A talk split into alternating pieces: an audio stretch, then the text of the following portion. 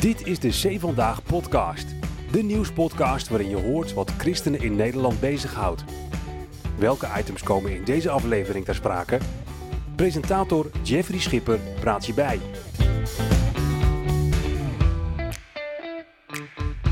Nog eventjes en dan mag Christelijk Nederland zich opmaken voor de Pinksterconferentie Opwekking. En daarover is gedoe ontstaan vanwege een blog van John Lapré die weigert om naar de Sing-In te gaan.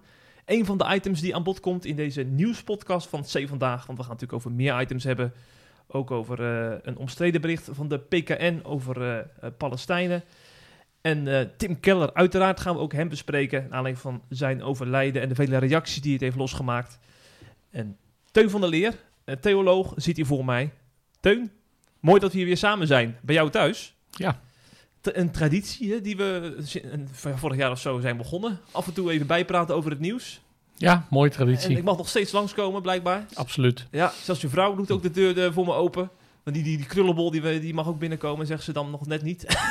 Nee, dat zou ze niet gauw zeggen. Nee, maar mooi dat we hier weer mogen zijn.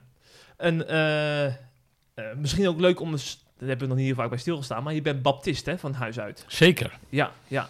En dat, heel veel mensen denken alleen maar aan de, aan de volwassen doop, maar dat is meer dan dat, toch? De traditie van de baptisten. Ja, baptisme is in de eerste plaats een, een gemeentevisie. Oh ja. Eh, en die zou je het beste kunnen typeren als eh, een visie van participatie. In de Ja. gemeente doet iedereen naartoe en doet iedereen mee. Kijk, ja. Nou, lijkt mij een, eh, een van de mooie kleuren die in het hele palet van het christendom thuis hoort. Hè, want ze moeten het toch maar zien, hè? We zijn geen concurrenten van elkaar. Dat hoop ik niet, al Nee. lijkt het er soms wel op. Soms, lijkt het er wel op als je op C Vandaag kijkt bijvoorbeeld. Maar dat, eh, dat is wel jammer. Niet de bedoeling. Ehm, de ergernis van de week, daar beginnen we natuurlijk mee. Onze vaste rubriek.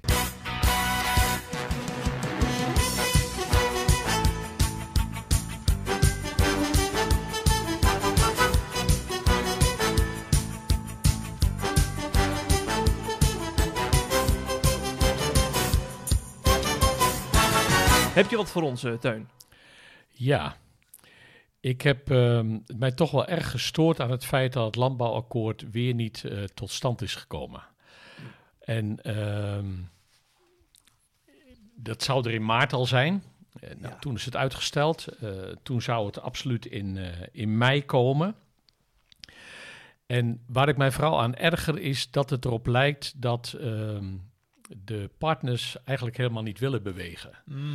Ehm, ik heb mij met name ges- gestoord aan Sjaak van der Tak. Kijk, Sjaak van der Tak is de voorzitter van LTO. Dat is een van de weinige boerenorganisaties die überhaupt nog aan tafel zit daar.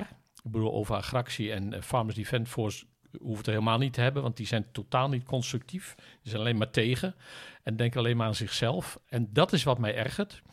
Ik weet dat het een zeer complex eh, probleem is. eh, omdat grote belangen op het spel staan, zowel voor de boeren als voor de natuur en dus voor de samenleving als geheel. Maar juist daarvoor is het noodzakelijk dat mensen echt constructief aan tafel zitten en echt bereid zijn om met elkaar iets te bereiken. En als ik dan eh interview lees met Sjaak van de Tak, waarin hij aan het eind zegt: Ja, echt wel, iedereen wil echt wel heel graag een akkoord. Maar dan is het wel noodzakelijk dat het kabinet over zijn eigen schaduw stapt. Dan denk ik, ja, beste Sjaak, en wanneer stap jij dan over je schaduw? Ehm, dus ja, nou ja, dat heeft, dat heeft me gestoord. Ik denk dat het echt nodig is dat we, dat we eruit komen en dat we voortgang maken op dit dossier. En ik ben ook bang dat eh, de minister ehm, eigenlijk zijn eigen wapens uit de handen heeft geslagen door te zeggen, ja, zonder het LTO hebben we geen akkoord.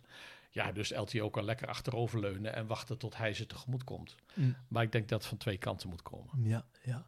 Stilstand is ook wel een beetje eh, het kernwoord van de, hoe Nederland ervoor staat. Hè? Alles staat stil. En het, en het geldt voor zoveel dossiers, eh. Jeffrey. Ja. het geldt natuurlijk voor het asieldossier, wat ook zeer pijnlijk is. Maar goed, dat had ik de vorige Mm. keer al, dus ik dacht, dat ga ik niet weer doen. Mm. Maar ehm, ja, dat is de, de- de- een stukje onmacht. Ehm, En nogmaals, dat wil ik niet alleen bij de politiek leggen. We doen het als samenleving met elkaar. We zijn als samenleving ook diep verdeeld. Dus het is ook ingewikkeld en complex. Ehm, maar van mensen die in de politiek of in, in het geval van Sjaak van de Tak, eh, vanuit de vakbond, eh, vanuit de belangenorganisaties mee, mee eh, praten en een oplossing moeten bedenken, zou je verwachten dat ze niet alleen over hun eigen schaduw kunnen heen springen, maar ook een, ehm, overstijgend kunnen kijken naar, de, naar het bredere belangen, niet alleen dat van henzelf. Het laatste nieuws uit Christelijk Nederland bespreken we in de C Vandaag podcast.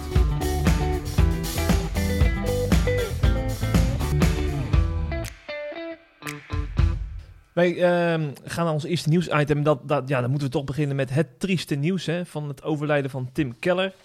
Eh, ja, toch wel wereldberoemd vanwege eh, zijn, eh, zijn boeken. Hij heeft er heel wat op zijn naam staan. En eh, zijn kerk in New York, hè, die eh, begon met een handjevol mensen in Manhattan in New York. Mensen verklaarden hem voor gek. In zo'n eh, bubbel van hoogopgeleiden waar mensen helemaal niks meer met de kerk hebben. Maar dat uitgroeide tot een ja, kerk met duizenden mensen. En waar heel veel middenklassen naartoe kwamen. Ja. Die eigenlijk symbool staan voor de afgehaakten. Dus er is wel eens iets geks aan de hand. En Tim Keller stond aan de voet en aan de. Stond, ja, heeft die, heeft die beweging op gang gekregen, onder andere. Hè. Het is natuurlijk alleen zijn werk. En hij zal waarschijnlijk ook zeggen dat het eh, Gods geest is die dit bewerkt heeft. Zo, want zo, zo nederig was hij altijd, hè, Teun. Eh, wat, wat, wat dacht jij eigenlijk toen jij dat hoorde, Tim Keller overleden? Kijk, Tim Keller, dat eh, vind ik het mooie eraan, is een succesverhaal dat geen succesverhaal is. Ja. Het is iemand die gewoon in gehoorzaamheid is gaan doen wat op zijn weg kwam. Eh, met een diep besef van eh, dat het de genade van God is die, ehm, die de bron is van alles. En het is inderdaad een succes geworden. Daarom zeg ik een succesverhaal wat geen succesverhaal is. Hij is er zelf ehm, niet door veranderd. Hij onderscheidt zich ook duidelijk van nou ja, wat wij dan vooral kennen als de Amerikaanse grote predikers. Hè? Hij is on-Amerikaans bescheiden, las ik ergens. Hmm. En dat herken ik wel. En tegelijkertijd is zijn werk tot enorme zegen geweest. Niet alleen in New York natuurlijk, maar eh, ver daarbuiten. Ja, ja, ja. ja Eh, ik las in meer dan 150 landen dat, eh, dat zijn werk gebruikt wordt, zeg maar, zijn visie Ja, in het ja. kerkelijk leven. Ik denk dat zijn preken ook in, in tal van landen en door heel veel mensen worden beluisterd, bekeken, eh, gelezen. Ehm, en zijn hele visie op eh, kerkplanting en eh, als het ware tegen de secularisatie in eh, het hart van het evangelie vasthouden en communiceren. Hm.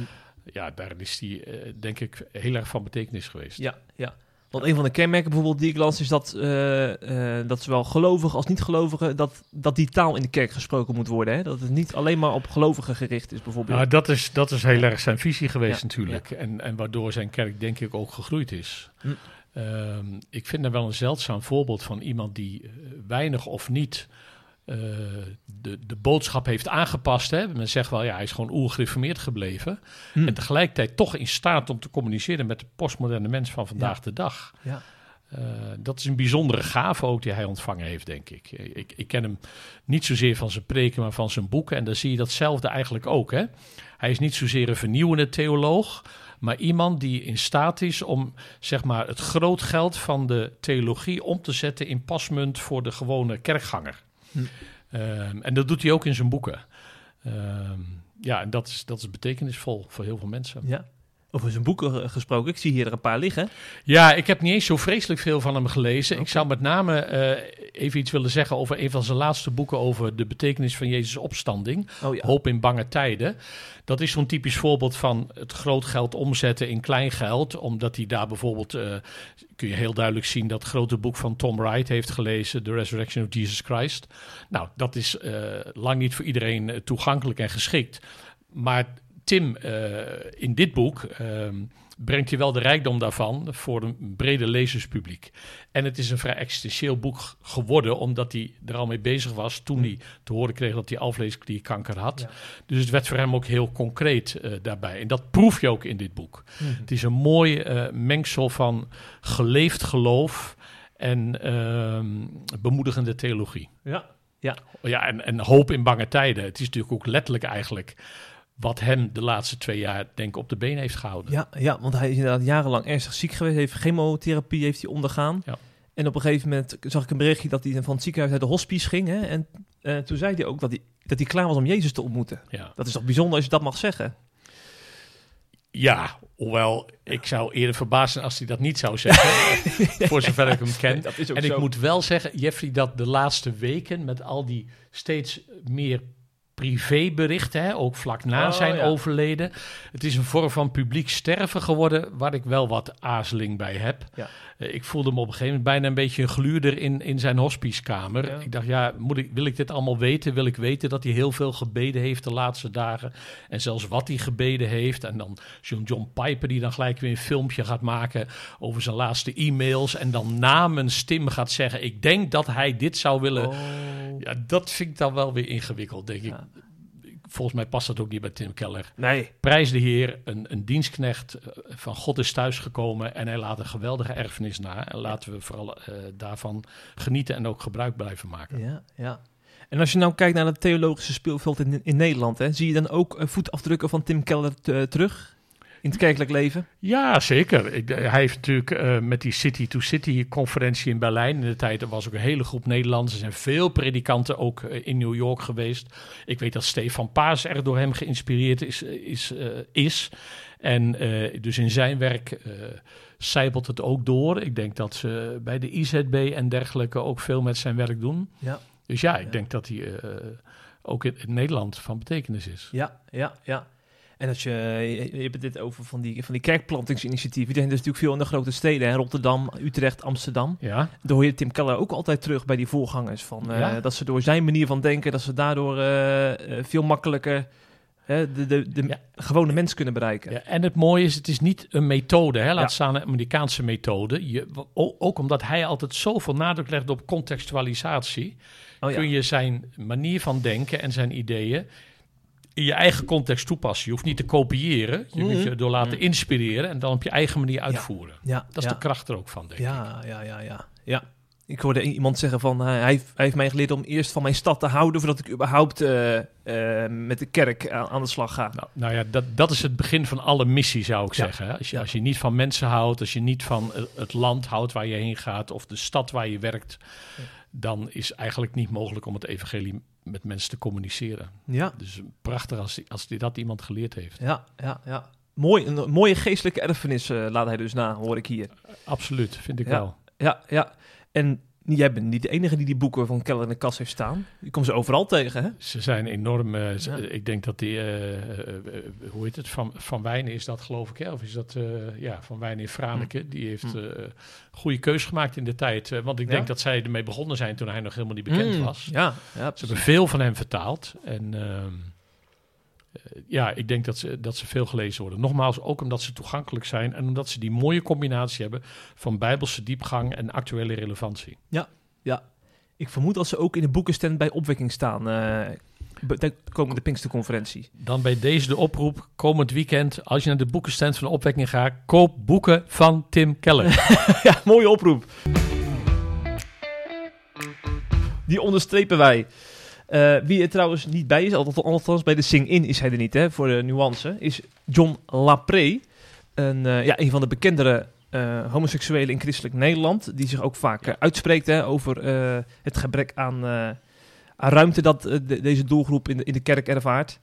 Die heeft een blog geschreven voor C Vandaag, waarin hij uitlegt waarom hij niet naar de Sing-In bij opwekking gaat. En dat heeft natuurlijk een voorgeschiedenis. Hè? We hebben het al in de podcast besproken. Vorig jaar was de band Insal- Insalvation in het nieuws toen ze een tour begonnen. En eh, bij een PKN in Monnikendam eigenlijk eh stranden. Toen eh, ja, ze ontdekten dat de homoseksuele predikant van die kerk... dat hij in een relatie met een andere man leeft. En die man zou ook een ministrygebed doen tijdens hun avond. En ja, dat, dat, daardoor kregen zij gewetensnood. Hè, want zij hebben een andere kijk op huwelijk en seksualiteit. En toen is besloten in goed overleg niet eh, dat concert eh, daar in Monnikendam door te laten gaan. Maar dat is en naar buiten gekomen. En, en dat heeft veel ophef veroorzaakt. Hè? Want ja, da- dat werd natuurlijk gezien door eh, eh, de LHBTI-gemeenschap als, eh, als homofoob gedrag van Insalvation. En aan de andere kant waren er weer christenen die vonden dat ze eindelijk eens principes toonden wat andere christenen weer nalaten. Dus er stond een beetje een twee-kampen-strijd voor mijn idee. En die wordt nu weer een nieuw leven ingeblazen door zo'n column. Misschien onbewust. Ik weet niet of hoe jij hem gelezen hebt, de Teun. De column van John Lapré. Nou, met grote ambivalentie moet ik zeggen. Ehm, ik, ik vind het heel ingewikkeld. Kijk, dat John Lapré eh, gevoelig is op dit thema, dat is niet alleen begrijpelijk, maar ook terecht. Hij heeft een, eh, als je zijn biografie kent, eh, hele nare ervaringen opgedaan, met name in christelijke kring. Hij is op een gegeven moment zelf niet alleen uit de kast gekomen, maar ook vooral uit de kast gekomen als een christen die steeds meer een eigen visie erop ontwikkeld heeft en die ook wil communiceren. Nou, dat, dat is natuurlijk goed recht. Wat ik ingewikkeld vind, is dat hij er inderdaad steeds meer ehm, eh, de publiciteit mee zoekt. En ook wel op een manier, ik probeer het voorzichtig te formuleren, maar je kunt eigenlijk het in de ogen van John Lapré alleen maar goed doen als je achter zijn visie gaat staan. Ja. En dat vind ik heel ingewikkeld. Ehm, Alexander Noordijk, dat is de predikant waar het over gaat. Mhm, in Monnikendam, ehm, ja. In Monnikendam. Heeft in mijn ogen veel milder en veel wijzer gereageerd in de tijd. Die was natuurlijk teleurgesteld. Maar die heeft niet, zeker niet op deze manier de publiciteit gezocht. Ehm, John Lapré eh, gebruikt het feit dat In Salvation bij opwekking speelt, nu om er weer een heel groot thema van te maken. En tegelijkertijd denkt John, wat wil je nou eigenlijk? Dat In Salvation nooit meer ergens optreedt? Moet die band zichzelf opheffen om... om ehm, mogen christenen niet meer een andere visie op homoseksualiteit hebben dan jij? Ehm, Ja, het, gaat, het gaat hem volgens mij ook vooral om de manier waarop dat ging. Hè? Want eh, ehm, ik, ik, wat, heel veel, wat heel veel medestanders van John Lapre zeggen, van eh, eh, de Insalvation ook de keuze kunnen maken van we hebben een andere visie. Eh, maar ja, er zijn ook christenen met die, die zeg maar een andere mening delen, dus gaan we wel optreden. Dat ben ik met je Ja. eens. Kijk, ik was het niet eens met het feit dat Ja, zij ja. zich terugtrokken. Ik zou denken, je gaat in die kerk spelen. Die kerk heeft homoseksuele predikanten. Dan heb je je daartoe te verhouden. Klaar. Ja, ja precies. Ehm, die keuze hebben zij niet gemaakt. Dat is op zich ook weer een goed recht. Het ligt voor hen principieel blijkbaar eh, behoorlijk gevoelig. Ehm, maar John Lapré draait het nu om en zegt: jullie mogen eigenlijk alleen maar optreden als jullie er net zo tegen aankijken als ik. Ja. Of hij mist misschien ook wel, zo las ik het ook een beetje, een disclaimer van opwekking. Van, eh, want als opwekking ervoor kiest, dan kunnen ze natuurlijk ook daardoor onbewust het, het, een, een signaal afgeven van eh, eh, wij staan achter de visie van opwekking. Of, van, eh, van insolvation bedoel ik. Maar dat geven ze altijd af. Hè? Als ze in Salvation nu van het programma afvoeren, nemen ze ook een standpunt in. En ik, ik vond de reactie van Ruben Vlag wel heel erg eh, genuanceerd. Van opwekking Van, zelf. ja, van opwekking zelf. Ja, wij gaan hier geen standpunt over innemen. In Salvation is gewoon aan de beurt. Ehm, en eh, dus, dus eh, spelen en zingen ze. En wij zijn een organisatie die, ehm, die over dit soort zaken geen publieke uitspraken doet. Mm, mm, Ja, mm, ik, ik zou niet weten hoe ze, hoe ze er anders eh, mee om zouden moeten gaan. Ja. Ehm, en ik denk als John deze column niet had geschreven, had er geen haan naar gekraaid. Nee, nee, nee. Nou ja, sterker nog, nu pikte bijvoorbeeld iemand als Tim Hofman het op van eh, een be- bekende presentator die Ja. duizend, tienduizenden volgers heeft op Twitter. En nu wordt eh, eh, daardoor weer Insolvation geframed als een Nou, homofoob. daar moet je blij mee zijn, dat je in het kamp van Tim Hopman terechtkomt. Ja, ja dat, dat las ik ook veel terug, ja. Ik Om ja. Maar toch heb ik toch ook wel ergens, ja... Er zit natuurlijk wel een pijpunt onder waar kerkelijk Nederland wat mee moet, denk ik dan. Want John Lapre spreekt misschien ook wel namens meerdere homo's die, die geen ruimte voelen. Absoluut, heeft hij absoluut een punt. En, dat, en daar doet hij ook heel goed werk voor. Ja. En eh, dat moet hij ook vooral blijven doen. Maar er zit ook een pijnpunt aan de andere kant. Dat mensen een bepaalde bijbelse visie op iets hebben... en steeds meer het gevoel krijgen... ik mag zelfs niet meer zo denken, la- laat staan het uiten. En ehm het gaat sowieso in de breedte van de samenleving enorm snel... Hè? van wat je nog wel mag zeggen en niet mag zeggen of denken... Eh, ik denk dat we binnen de christelijke kerk elkaar die ruimte wel moeten blijven gunnen. Simpelweg alleen al omdat eh, de schrift in zijn uitspraken erover niet eenduidig is. Hm, hm. Ja, ja het, is, het is echt ongelooflijk hoe vaak deze kwestie weer opduikt hè, in, in christelijk Nederland. Kijk, het zegt iets over de krachtige lobby van de LHBTI-gemeenschap. En nogmaals, die snap ik ook vanwege de pijn van het verleden. Ehm, maar soms zou ik wat meer genade willen zien in een toch wel steeds grotere genadeloze cultuur waarin we leven. waarin daders, wat voor soort daders ook, keihard worden afgerekend eh, en eigenlijk geen, ehm, zelfs geen kans krijgen om ehm, het zij hun gedrag te veranderen, het zij hun excuses te maken. Eén zinnetje in het eh, eh, verhaal van John, hè. Die zegt dan, eh, nou, bij dat verwijt, hè, dat noemt hij zelfs een kulrede van eh, Ruben Vlag, dat opwekking geen statement wil maken. Ik zou niet weten wat daar kul aan is. Als je ervoor kiest om in een aantal opzichten gewoon neutraal te blijven, omdat je een andere missie hebt. Maar dan zegt hij erachteraan, zal hier hetzelfde worden geredeneerd als een spreker er een bedenkelijke reputatie op nahoudt door een uitspatting in het recente verleden. Wat is dat nou toch voor vergelijking? In Salvation heeft toch geen bedenkelijke reputatie vanwege een uitspatting? Ze hebben een andere visie op homoseksualiteit dan John LaPree. That's all. We moeten het niet moeilijker maken dan het is, zeg je. Ja, en vooral niet polariserender dan nodig is. Ja, ja, ja. We staan al zoveel tegenover elkaar. Mhm. Nu we het toch over opwekking hebben, eh, want dit, dit hint een klein beetje ook aan het onderwerp eh, diversiteit, hè, hoe je daarmee omgaat in de Ja. kerk. Hè? Want eh, eh, ook, ook bijvoorbeeld, eh, mensen vinden het ook belangrijk dat, dat vrouwen ook Mhm. aan bod komen. Bij opwekking hebben ze een, leiderschapsprogramma ook. En daarin werd opgemerkt dat, dat, het, dat er wel heel veel mannen waren. En dat er maar één vrouw tussen al die, die mannenhoofden stond bij, op, het, op het podium, zeg maar. Ja. En dan denk ik van, dit, ja, dit is, hinkt, hinkt er een beetje mee samen. Van allemaal groepen die zich bij één grote conferentie zich toch een beetje achtergesteld voelen. Of het nou een homoseksueel is of een vrouw. Het is Ja. lastig voor zo'n voor zo'n club. Zeker lastig voor zo'n club. Ja. En ook omdat eh, eh, de, de versnellingen in bepaalde ontwikkelingen. eh, of nee, laat ik zo zeggen, dat er vaak geen geduld meer is om ontwikkelingen zich te laten plaatsvinden. Het is nog maar het derde of het vierde jaar volgens mij dat er überhaupt een vrouw spreekt bij opwekking. hè? ja, zeker. Dus opwekking is geen club die voor de muziek uitloopt. Opwekking is een brede club die graag de breedte van de kerk wil dienen. En langzaam meebeweegt met, met veranderingen. Ja, dus ze hadden ook eerder vrouwen kunnen uitnodigen. Dus je kan erover klagen. Je kan ook zeggen wat fijn dat nu in elk geval zo'n podium krijgen. Ja, ja. ja, maar nu hoor ik weer mensen zeggen dat is te weinig eentje. Dat is niet in verhouding met al die mannen die op podium staan. Dat krijg je nou. Het is ook nooit goed, denk ik dan ook wel eens. Maar- Nee, en ik, ja, ik hou niet zo van dat tellen. En Ja, ehm, ja, ja. Je, gaat, je zoekt mensen uit. Ik, en ik denk ook niet dat elke vrouw er erg gelukkig mee zal zijn eh, Nee. als ze eh, uitgenodigd wordt omdat ze een vrouw is. Ik denk dat ook vrouwen uitgenodigd moeten worden vanwege hun kwaliteit, net als mannen.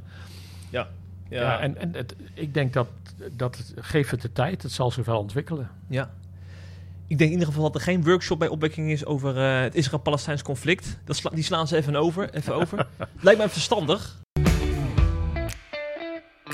Ja, hoewel ze denk ik dat er wel een Israël-vlag ergens op het terrein zal Oh, wapperen. ja, en dat er ja. zeker gerefereerd zal worden aan het 75-jarig bestaan van de staat Israël. Ja, ja, daar wordt veel waarde aan gehecht in christelijk Nederland. Eh, want dat was natuurlijk onlangs zover. Eh, deze maand nog, 75 jaar Israël. En eh, ja, daar wordt dan ook aandacht aan besteed in, eh, in kerkelijke kring. Bijvoorbeeld in nieuwsbrieven. De protestantse kerk in Nederland eh, besloot ook een artikel te wijden. maar dan vanuit Palestijns perspectief. Want ja, toen Israël in 1948 werd gesticht... toen ja, werden 700.000 Palestijnen verdreven uit hun dorpen. En ik laat dan... Ja, ik zeg dan... eh, ik, ik zie het nu even letterlijk uit de brief van de PKN... want sommigen zullen weer over dat woord verdrijven vallen en zo, weet je Mhm. wel. Maar goed, zo werd het, eh, zo werd het door de PKN eh, verwoord. Ik, heb, heb, ik, heb, heb, ik, heb ik dat berichtje van de PKN nog gestuurd naar je, Teun? Jazeker, ik, ik, ik had het al Ja. gelezen. En ehm, het is overigens niet waar dat de PKN alleen maar over de verdrijving van de Palestijnen bericht heeft. Ze hebben ook een felicitatie aan Hmm. 75 jaar Israël gericht. En, naast, en daarnaast hebben ze zich gericht tot Palestijns... Kijk, dat is natuurlijk ook een dilemma Naast van, elkaar, ja. van de PKN. En vind ik van, van alle christenen, denk ik. Wij hebben een hartsverbondenheid met Israël. Ja. Zeker als volk. Ja. Maar je kunt dat niet helemaal scheiden eh, met de staat. En we hebben een hartsverbondenheid met al onze broeders en zussen in de wereld. Dus ook met onze Palestijnse broeders en zusters. Zelfs nog los van dat we ook als christenen geroepen zijn solidair te zijn met allen die lijden in deze wereld. Nou, dat is een heel groot hoofdstuk. Laat ik het nou gewoon even houden met... Ik ben verbonden met Israël als mijn oudere broer. En ik ben verbonden met mijn Palestijnse broers en zussen. Ja. Dus dat de PKN dan beide een bericht stuurt... als de een 75 jaar stichting van de staat Israël... en de ander 75 jaar Nakba herdenkt... dat begrijp ik op zich wel. Dus je vond, je vond het ook wel gelijkwaardig aan elkaar. Want eh, eh, sommigen zeggen dat die aan Israël was heel mager... en dat van de Palestijnen is heel erg uitgelicht en uitvergroot. Ehm, ik vond het inderdaad niet gelijkwaardig aan elkaar. Ja, En, dat, dat is de kritiek. eh, ja, die, die kritiek kan ik ook wel volgen. En ik vind de felicitatie aan Israël ook wel wat zuinigjes. Ja. Dat had best hartelijker kunnen en mogen zijn. Ehm, nou ja, en hierachter zit natuurlijk die gigantische blunder van vorig najaar. Toen Oh ja. eh, René de Reuver eh, de, bezet- de bezetting, eh, ja Mhm. precies, vergeleek met de Holocaust. Ja, dan, dan ben je natuurlijk weg. En dan ben je eigenlijk op dat hele dossier, wat mij betreft ook, en voor velen, volstrekt ongeloofwaardig Ja, geworden. dit is eigenlijk ook een beetje de nawee ervan. Want die mensen die nu kritiek hebben, die het. hebben dat nog in hun achterhoofd waarschijnlijk Dat ook. denk ik wel, ja. Ja. Bij mij riep dat ook gelijk weer dat op. Ja, ja, ja, ja. De Griffemiddenbond, want daarom bespreken we het ook eigenlijk. Ja. Ja, ja dat is, dat is eh, hoe moet je dat nou uitleggen aan mensen die, die, die, die P- de bond niet kennen? Kun jij dat? De, de, de Griffemiddenbond is een, een beweging binnen de PKN Ja. die volstrekt solidair is met die kerk, maar wel een heel eigen belang heeft. En dat eigen belang is vooral dat zij de kerk zo dicht mogelijk wil houden bij de Griffemeerde beleidenis. Ja.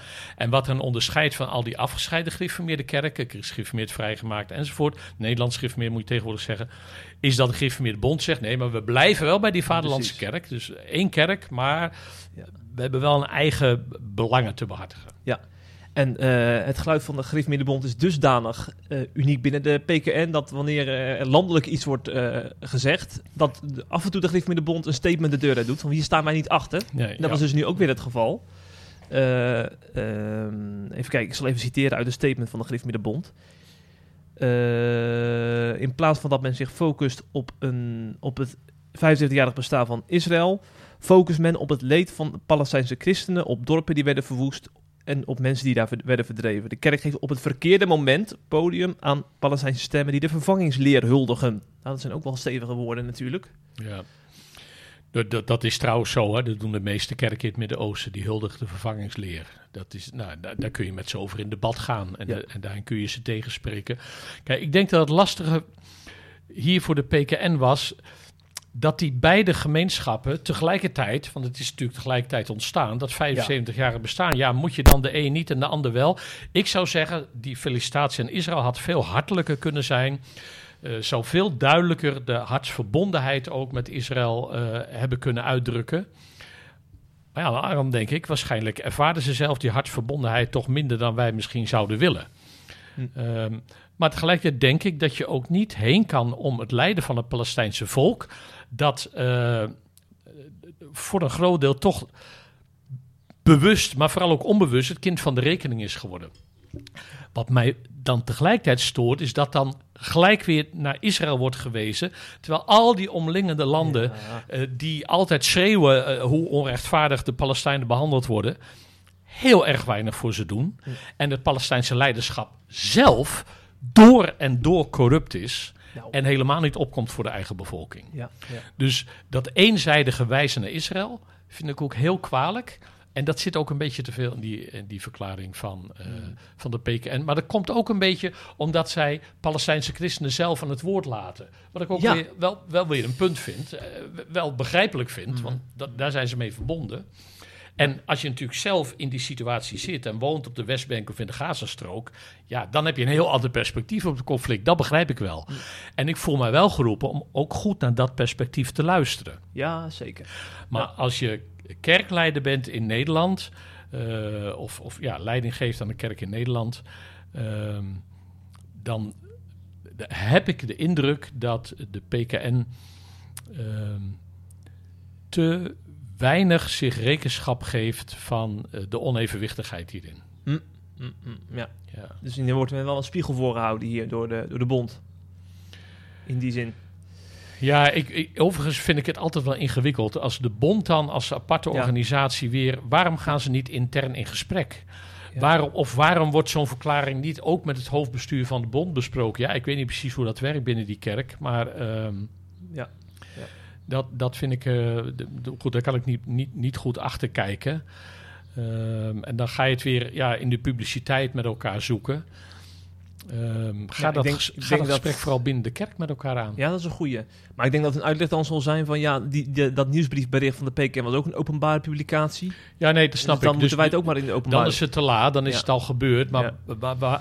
ik, je zou hopen dat ze naar aanleiding hiervan eens met Ja, elkaar om de tafel gaan zitten en zeggen hoe gaan we Ja. dat voortaan doen? Ja, Wa- waarom zouden we het in de publiciteit met elkaar uitvechten? is ook zo. Ja. Want de Griffemidde Bond eh, maakte ook weer vijanden met hun bericht. Ik las op Twitter Stefan Paas, hè, theoloog, dat de Griffemidde Bond Palestijnse broeders en zusters een trap nageeft met dit bericht. En, en jo, dominee Johan van den Berg maakt het nog bonter. Ik weet niet of je dat moet herhalen wat hij zei. Zal ik het weglaten? Of, eh? Nou, ik wilde wel iets over zeggen. Kijk, Stefan Paas, die, die, ehm, vond ik ook al eh, stevig. Hè? Ze geven een trap na. Hij ligt dat tenminste. Ik heb alleen dit zinnetje van jou doorgekregen. Ik weet niet of hij dat nog toelicht. Wat hij daar daarmee bedoelt. Ehm, want ik ervaar het niet zozeer als een trap na. Ehm, nogmaals, zij protesteren volgens mij meer tegen het feit dat Israël zo zuinig gefeliciteerd wordt. Maar die dominee Johan van den Berg, vond ik, echt, ik ken de beste man niet. Maar verbijsterend, die spreekt van een ultiem ratachtig stuk van het hoofdbestuur van de bond. En dan zegt hij dit, terwijl de Gifmiddenbond haar gouden kalf aanbidt, scheidt ze op haar eigen Palestijnse zusters en broeders. Ja, enorm gefrustreerd. Dat zie wat, je. wat is dat voor taal van een predikant Ja. in het publieke debat? Ik- Nou, ja, hij zit niet tegenover me, dus ik wil niet te veel. Nee. eh, want nogmaals, ik ken hem niet en de achtergrond er niet van. Maar ik hoop wel ernstig dat hij spijt heeft van, van, van Mm. zo'n eh, bericht eh, de, de wereld. Hoe, ja, hoe constructief is dat? Wat denkt hij daarmee te bereiken? Ja, maar dat is iemand die zit zo diep in die loopgraven dat, dat je dan eh, niet meer vanuit die emotie kan redeneren. Hè? Dat, dat zie je vaker bij Of niet mensen. meer zonder emotie niet, meer- niet meer redeneren. zonder emotie Ja. kan redeneren. Ja. Dat is denk ik een beetje het probleem. En dan krijg je dit soort teksten, ja. En dan moet je er niet te veel woorden aan wijden misschien. Maar ja, het, het is wel wat, wat het teweeg brengt dus blijkbaar. Hè? Ja, laat dus wel zien hoe gevoelig, Ja. hoe gevoelig het thema is, hoe ongelooflijk complex het probleem is. Ja. Ehm, twee eh, volstrekt verschillende belangen staan tegenover elkaar. En ja, eerlijk gezegd, sinds ehm, de moord op Rabin, ehm, dat is alweer lang geleden, eh, zie ik het alleen maar achteruit gaan. En, Wie was het eh, ook alweer voor de luisteraars? Rabin was die eh, Israëlische premier de- na de Oh, ja. Oslo, Oslo-akkoorden. Mm. Eh, waar Palestijnen en Israël samen eh, toch echt een stap vooruit hadden gezet. Hij is helaas vermoord door een extremistische Jood, notabene. En daarmee is, zijn de Oslo-akkoorden eigenlijk eh, ook eh, ten onder gegaan. En Wow. is, is het vredesproces eh, sindsdien alleen maar gestagneerd. Ja, ja, ja. ja. Ja. Maar, maar, maar vergeet ook niet hè, dat ook binnen Israël er wel degelijk kritische stemmen zijn over wat Israël doet. In Haaretz notabene, de bekende krant Oh ja. in, in Jeruzalem, Hm. stond een heel stuk waarbij maar liefst zeven eh, punten, eh, zes, sorry, zes punten we- werden langsgelopen. Waarom Israël die Nakba Ja. ook veel serieuzer zou moeten nemen en wel degelijk ook mede schuldig is. Ja. Kijk, ik ben ook opgevoed in het frame van de staat werd uitgeroepen en gelijk kwamen de legers van alle kanten om Israël in te, in te nemen. En, en ja, daardoor moesten die Palestijnen ook vluchten. Dus dat hebben ze allemaal aan hun Arabische broeders en zussen te danken. Dat is niet helemaal waar. Het is complexer dan dat. Dat wordt hier ook heel goed uitgelegd. Ehm, eh, en, maar van begin af aan, hè, in 48 is natuurlijk is voor een twee-staten-oplossing gekozen. Hè. De VN zei, ja, er mag een Joodse staat komen en daarnaast een Arabische staat. Door die oorlog is dat nooit echt concreet geworden. Israël heeft zich eigenlijk van het begin af aan eh, hartstochtelijk moeten verdedigen. En, en nog steeds zijn er velen die het bestaan van de staat en zelfs van het hele Joodse volk eh, liever ten einde zouden zien komen. Dus nogmaals, de manier waarop Israël eh, eh, eh, opereert, in, in, met name in de bezette gebieden, is zeker voor verbetering vatbaar. En nogmaals, er zijn ook interne Joodse stemmen die er heel kritisch op zijn. Maar de indruk wekken dat als Israël zich maar een beetje gedraagt, het probleem zichzelf oplost. Nee, nee, dat is hem ook niet. Vergeet het. Ja. De Palestijnse leiderschap heeft ook geen oplossing. En de Arabische volken rondom dragen er ook niet aan bij. Nee, nee, dat is één ding dat zeker is. Ja, het wordt eens tijd om het over een positief nieuwtje te hebben. Oh, wat Eh, leuk. Ja, want eh, volgens Arnold Huigen, eh, hoogleraar, is het namelijk reden voor een feestje, omdat de ge- geïnformeerd vrijgemaakte en de Nederlands geïnformeerden zijn gefuseerd. Ja. Ze zijn herenigd en op 12 mei werd dat in de Jacobikerk in Utrecht uitgebreid gevierd. Met muziek, met eh, toespraken, met workshops. Eh, het, ja, eh, en weet je wat mooier was? Ik zag dan allemaal foto's op Twitter voorbij komen van predikanten met een hele gezin op de bank. Maar dan, als je zo'n foto ziet, besef je hoe diep het zit. Hè? Dat zijn Ja. mensen die hebben 50 jaar onder een kerkschudding eh, geleden. En nu zijn de kerken dus weer bijeen. Ja. Maar er zit heel veel leed achter, achter zo'n viering. Hè? Dat beseffen mensen niet altijd. Nee. Nee, maar dit, is, dit, dit zijn verse wonden die, Ja. die, die verzorgd worden en verbonden en misschien nu eindelijk dicht ook kunnen gaan. Ja. Dus Ja. ik vind het wel een, een klein wonder, of een groot wonder, maar eh, en in elk geval een hele mooie ontwikkeling. Ja. Die, die, die, veel mensen weten daar natuurlijk niet meer van, maar de gereformeerde kerken vrijgemaakt zijn ontstaan in 1944, aan het eind van de eerste, eh, Tweede Wereldoorlog. Mm. Al dramatisch genoeg natuurlijk dat je in zo'n situatie eh, uit elkaar knalt. Ze zijn ontstaan uit de gereformeerde kerk in Nederland. Dat was al een dramatisch conflict wat dwars door families ging. Maar het erge is nog dat in 1967 het zich min of meer herhaald heeft. Ja, joh. En toen op een nog nadere manier, want in 44 zijn ze er zelf uitgegaan. In 67 zijn kerken er gewoon uitgegooid en predikanten.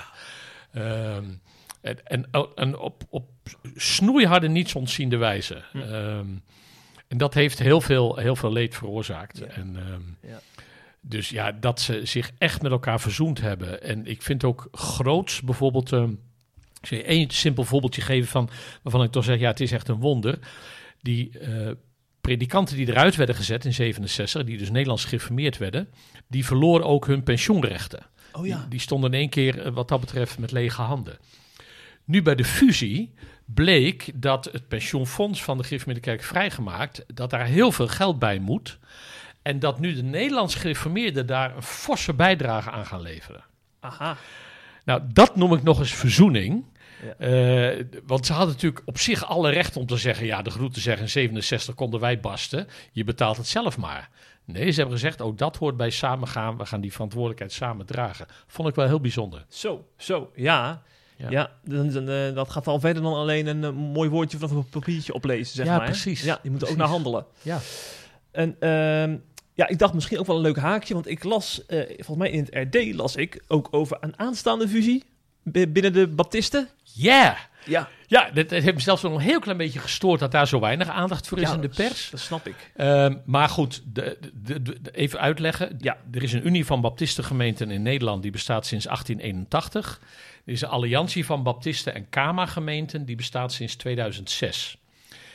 Eh, die Baptisten uit de ABC, zoals ze zich noemen, hè, Alliantie Baptisten en Ja. Kama-gemeenten, Ja. dat zijn Baptistengemeenten die zich in de loop van de tijd, en dat is vooral eh, de- vanaf de jaren 70, eh, vaak nieuw ontstaan zijn en om allerlei redenen geen lid werden van de Unie. En, en een aantal die ze, die ze daarvan afgescheiden hebben in de jaren 80, toen ze de Unie in hun ogen wat eh, te weinig bijbelgetrouw vonden. Aha. Er zit dus niet echt een diepe scheuring met heel veel pijn achter, zoals bij de Nederlands Gereformeerden en de Vrijgemaakten. Maar goed, het waren wel twee clubs die net als Vrijgemaakten en Nederlands Gereformeerden veel gemeenschappelijk hadden en Ja. toch gescheiden optrokken. Ja, ja, ja. En het leuke hiervan is, in 2009 is het begonnen. Toen bestond het baptisme in Nederland 400, eh, of niet in Nederland, wereldwijd 400 jaar. Dat vierden we in Nederland. En toen hebben we als Unie gezegd, maar dan moeten we dat wel samen vieren. En daaruit zijn eigenlijk gesprekken ontstaan van, ja, waarom zijn we eigenlijk nog steeds gescheiden? Hm. En ehm, twee weken geleden is in principe definitief besloten tot de fusie. Alleen er was niet voldoende quorum aanwezig op die vergadering. Hè. Er moet minstens driekwart van de gemeente vertegenwoordigd zijn. Dus dat moet nu nog schriftelijk afgerond worden. Oh. De verwachting is dat we deze zomer eh, definitief kunnen zeggen... we zijn nu eh enig geworden en dat we het dit najaar gaan vieren. Bijzonder dus. Ja, Ja, Maar, toch om- wel. Maar om over hoe- eh, hoeveel aantallen, welke aantallen hebben we het dan? Die in totaal van mensen die hierbij betrokken zijn. Deze, Dan, dan heb je het uit mijn hoofd over zo'n 20.000, eh, nee 25.000 geloof ik, eh, gedoopte gelovigen moet je bij ons Ja. altijd zeggen. Hè? En, en dan nog zo'n 10.000 kinderen en jongeren, denk ik. Eh, ja, Ja, ja, dat, dat ongeveer. ja, dat is toch wel bijna een volle kuip, zeg maar. Deze kant. Ik, de Kuip zullen we net niet kunnen Nee, nee, nee, nee. vullen, denk ik. Maar, een paar lege vakken dan, zeg maar. Ja, ja, ja, ja, ja. Nou, misschien dat die lege vakken dan de Nederlands gereformeerde plaats kunnen nemen. En, want da- daar zou ik wel heel erg eh, interessant vinden. Kijk, dat twee baptisten elkaar vinden en twee gereformeerden elkaar vinden, Ja. is belangrijk en goed. Maar het is natuurlijk peanuts in het licht van de breedte van het Koninkrijk Gods. Absoluut.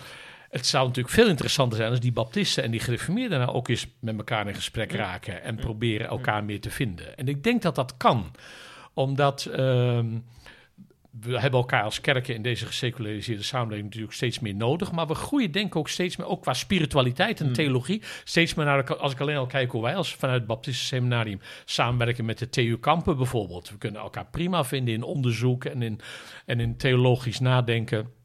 En ook, ook op het grondvlak vinden gemeenten elkaar wel in, Ja. in, in plaatsen. Eh, we hebben een veel groter gemeenschappelijk belang dan een gescheiden belang. Eh, in dit geval hè, zou natuurlijk met name het vraagstuk van de doop, wat jij net al noemde, eh, natuurlijk wel een grote rol spelen. Eh, ik ben zelf betrokken bij verschillende gesprekken rondom de doop. Eh, ik ben er zelf natuurlijk ook op gepromoveerd, een paar jaar geleden. Heb ik ook mijn laatste hoofdstuk daaraan gewijd. Ik zie wel mogelijkheden om dat gesprek een stapje verder te brengen. Eh, ik zie ook best wel hoe ingewikkeld ook dat is. Maar ik zou het boeiend vinden. Hm. En, ehm, dus ik ben met beide fusies erg, erg gelukkig. Dat snap ik. Ja, ja. Ja. En eh, eh, wordt het dan ook nog gevierd? Want eh in Baptisten zijn natuurlijk bekend als mensen die wel van eh, een feestje, een feestje houden. ja. Nee, dat willen we zeker doen. In onze algemene ledenvergadering van november. Ik weet de datum niet uit mijn hoofd, als die al eh, bekend is. Maar dan eh, willen we daar echt wel uh, nadrukkelijk aandacht aan geven. En eh, Ja. zullen de pers daar ook bij uitnodigen. Ja, dan moeten wij er ook wel iets mee doen dan, hè? Ja, dat eh, moeten jullie zeker. Ja, ja, ja. Nou, dat houden we, houden we in gedachten. Eh, dan gaan we naar de uitsmijter van de week. Oh ja.